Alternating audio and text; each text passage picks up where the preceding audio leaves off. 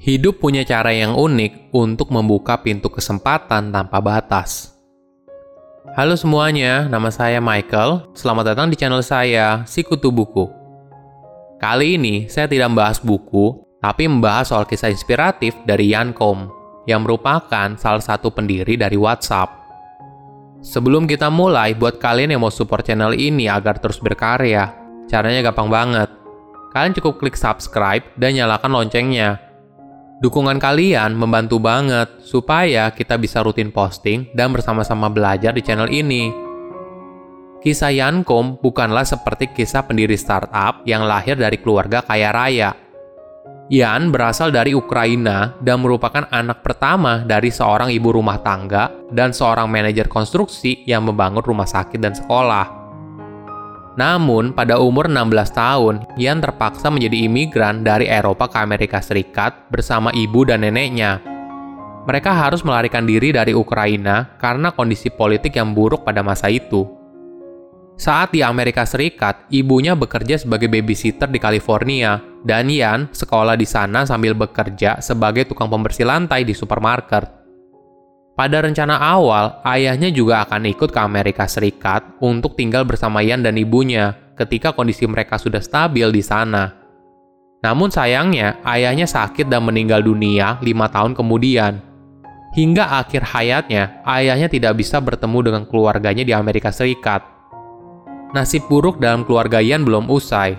Tiga tahun setelah ayahnya meninggal, ibunya didiagnosa kanker dan meninggal dunia Peristiwa ini membuat Ian hidup sebatang kara di Amerika Serikat. Kondisi hidup yang berat ternyata berpengaruh pada kehidupan pribadi Ian. Ketika sekolah, dia sering berbuat onar dan lulus dengan nilai pas-pasan. Setelah lulus sekolah, Ian tertarik pada komputer dan jaringan. Kemudian ketika berumur 18 tahun, dia belajar secara otodidak dari buku dan manual yang dia dapat dari toko buku bekas. Setelah selesai membaca, Ian mengembalikan buku untuk mendapatkan uangnya kembali. Kemudian saat kuliah, Ian berhasil mendapatkan pekerjaan part-time yang bertanggung jawab untuk audit keamanan komputer di EY, sebuah perusahaan akuntansi global. Ternyata dia berhasil diterima karena keahliannya dalam komputer dan jaringan. Bahkan sebelumnya dia aktif dalam grup online network dan komunitas hacker. Di EY, Yan bertemu dengan Brian Acton yang merupakan karyawan dari Yahoo. Di kemudian hari, Brian Acton adalah co-founder Yan dalam mendirikan WhatsApp. Pada saat itu, Yahoo merupakan salah satu klien dari EY, dan Brian suka dengan pekerjaan Yan. Dia pun direkrut untuk bekerja part-time di sana.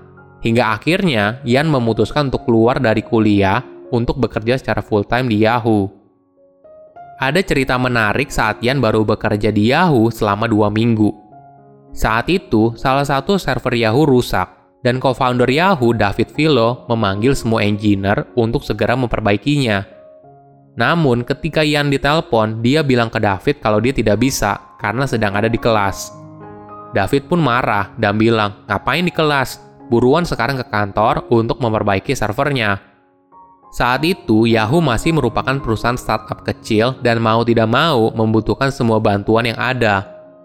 Itulah yang membuat Ian akhirnya memutuskan untuk drop out karena pada dasarnya Ian juga tidak suka dengan sekolah. Setelah 9 tahun bekerja di Yahoo, pada umur 31 tahun, dia memutuskan untuk mengundurkan diri dan pergi jalan-jalan ke Amerika Selatan bersama Brian. Setelah kembali, mereka berdua lalu melamar di Facebook, namun sayangnya mereka ditolak. Kemudian pada awal tahun 2009, Yan membeli sebuah iPhone dan menyadari potensi besar dari App Store yang mampu mengubah industri apps secara keseluruhan. Kesempatan ini tidak disia-siakan oleh Yan. Dia langsung bekerja untuk menciptakan sebuah aplikasi yang dia beri nama WhatsApp. Yan memilih nama ini karena memiliki kesamaan pelafalan seperti WhatsApp. Ide awal dari WhatsApp adalah untuk menaruh status di samping nama seseorang. Jadi, semua orang di dalam kontak HP kita tahu status kita sekarang. Misalnya sedang telepon, dalam kondisi low bed, atau misalnya bisa seperti pesan sedang di gym. Ini merupakan proyek yang cukup ambisius bagi Ian. Dia telah menghabiskan waktu berbulan-bulan, tapi hasilnya belum juga bagus. Di tahun awal WhatsApp didirikan, aplikasinya sering crash dan error. Kendala lain yaitu jumlah pengguna WhatsApp yang masih sedikit. Pada masa itu, Yan sempat terpikir untuk menyerah dan mencari kerja lagi. Hingga suatu hari pada bulan Juni 2009, Apple meluncurkan fitur baru yaitu push notification.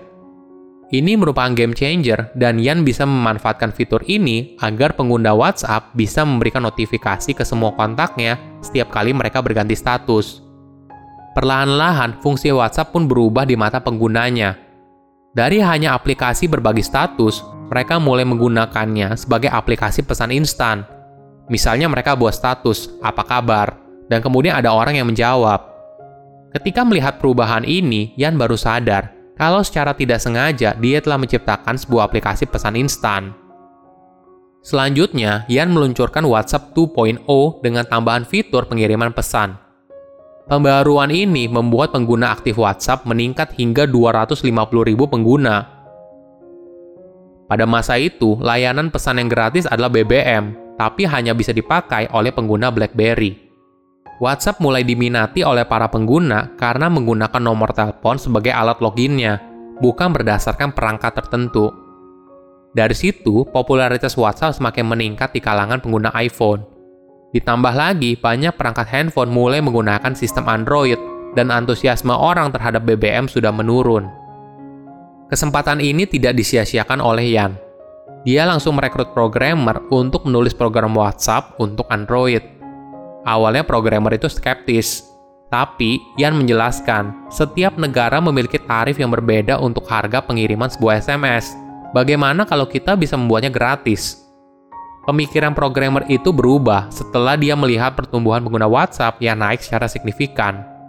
Hingga pada tahun 2014, Mark Zuckerberg mengakuisisi WhatsApp dari Yan dan Brian dengan nilai 19 miliar dolar. Padahal tujuh tahun sebelumnya, Yan dan Brian pernah melamar di Facebook dan ditolak. Dari kisah hidup Yan, saya melihat ada beberapa pesan berharga. Pertama, fokus pada satu hal. Yan merupakan orang yang sangat fokus. Dia sangat serius mengerjakan apa yang dia sukai.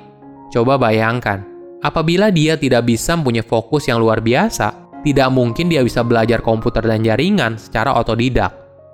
Selain itu, aplikasi WhatsApp boleh dibilang memiliki fungsi yang sederhana. Fungsinya hanya satu, yaitu sebagai pesan instan dan menghubungkan satu orang dengan orang lain. Kedua, punya prinsip yang kuat. Setelah WhatsApp diakuisisi oleh Facebook, empat tahun kemudian, Ian memutuskan untuk mengundurkan diri dari jajaran direksi Facebook. Keputusan ini Ian ambil karena dia bersikeras tidak ingin ada iklan di dalam WhatsApp. Bagian memasukkan iklan ke dalam WhatsApp adalah ide yang buruk. Padahal, manajemen Facebook berpikir sebaliknya. Mereka ingin agar WhatsApp segera menghasilkan uang. Karena porsi sahamnya yang kecil, akhirnya dengan berat hati, Yan harus merelakan diri untuk meninggalkan perusahaan yang telah dia dirikan sejak awal. Ketiga, jangan menyerah apabila ditolak. Setiap orang punya cerita hidup yang berbeda.